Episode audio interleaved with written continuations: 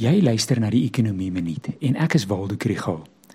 Ekonome sê baie oor die ekonomie, maar omdat data met so sloering beskikbaar is, is dit baie soos om 'n motor te bestuur terwyl jy meestal in die triespieeltjie kyk.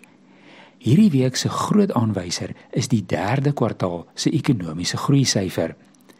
Die ekonomie het gegroei in die eerste kwartaal, ingekrimp in die tweede en hoewel die derde kwartaal onstuimig was, verwag ontleeders dat daar wel 'n bietjie ekonomiese groei was. Uit die maandelikse data weet ons dat vervaardiging en mynbou gegroei het ten spyte van die beerdkrag. Die ramings vir die groeikoers is tussen 0,4 en 0,6%. 'n Ander aanwyser om 'n oog op te hou is FNB en die Buro vir Ekonomiese Onderzoek se verbruikersvertroue indeks vir die 4de kwartaal wat donderdag bekend gemaak word. Ons weet dat verbruikers onder druk is van stygende inflasie en hoë rentekoerse. Die indeks was op sy laagste in die tweede kwartaal, maar het effens verbeter in die derde kwartaal.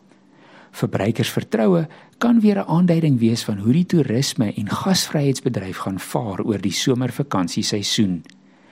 Verder is daar ook data oor die lopende rekening van die betalingsbalans en produksie in die vervaardigingssektor later hierdie week.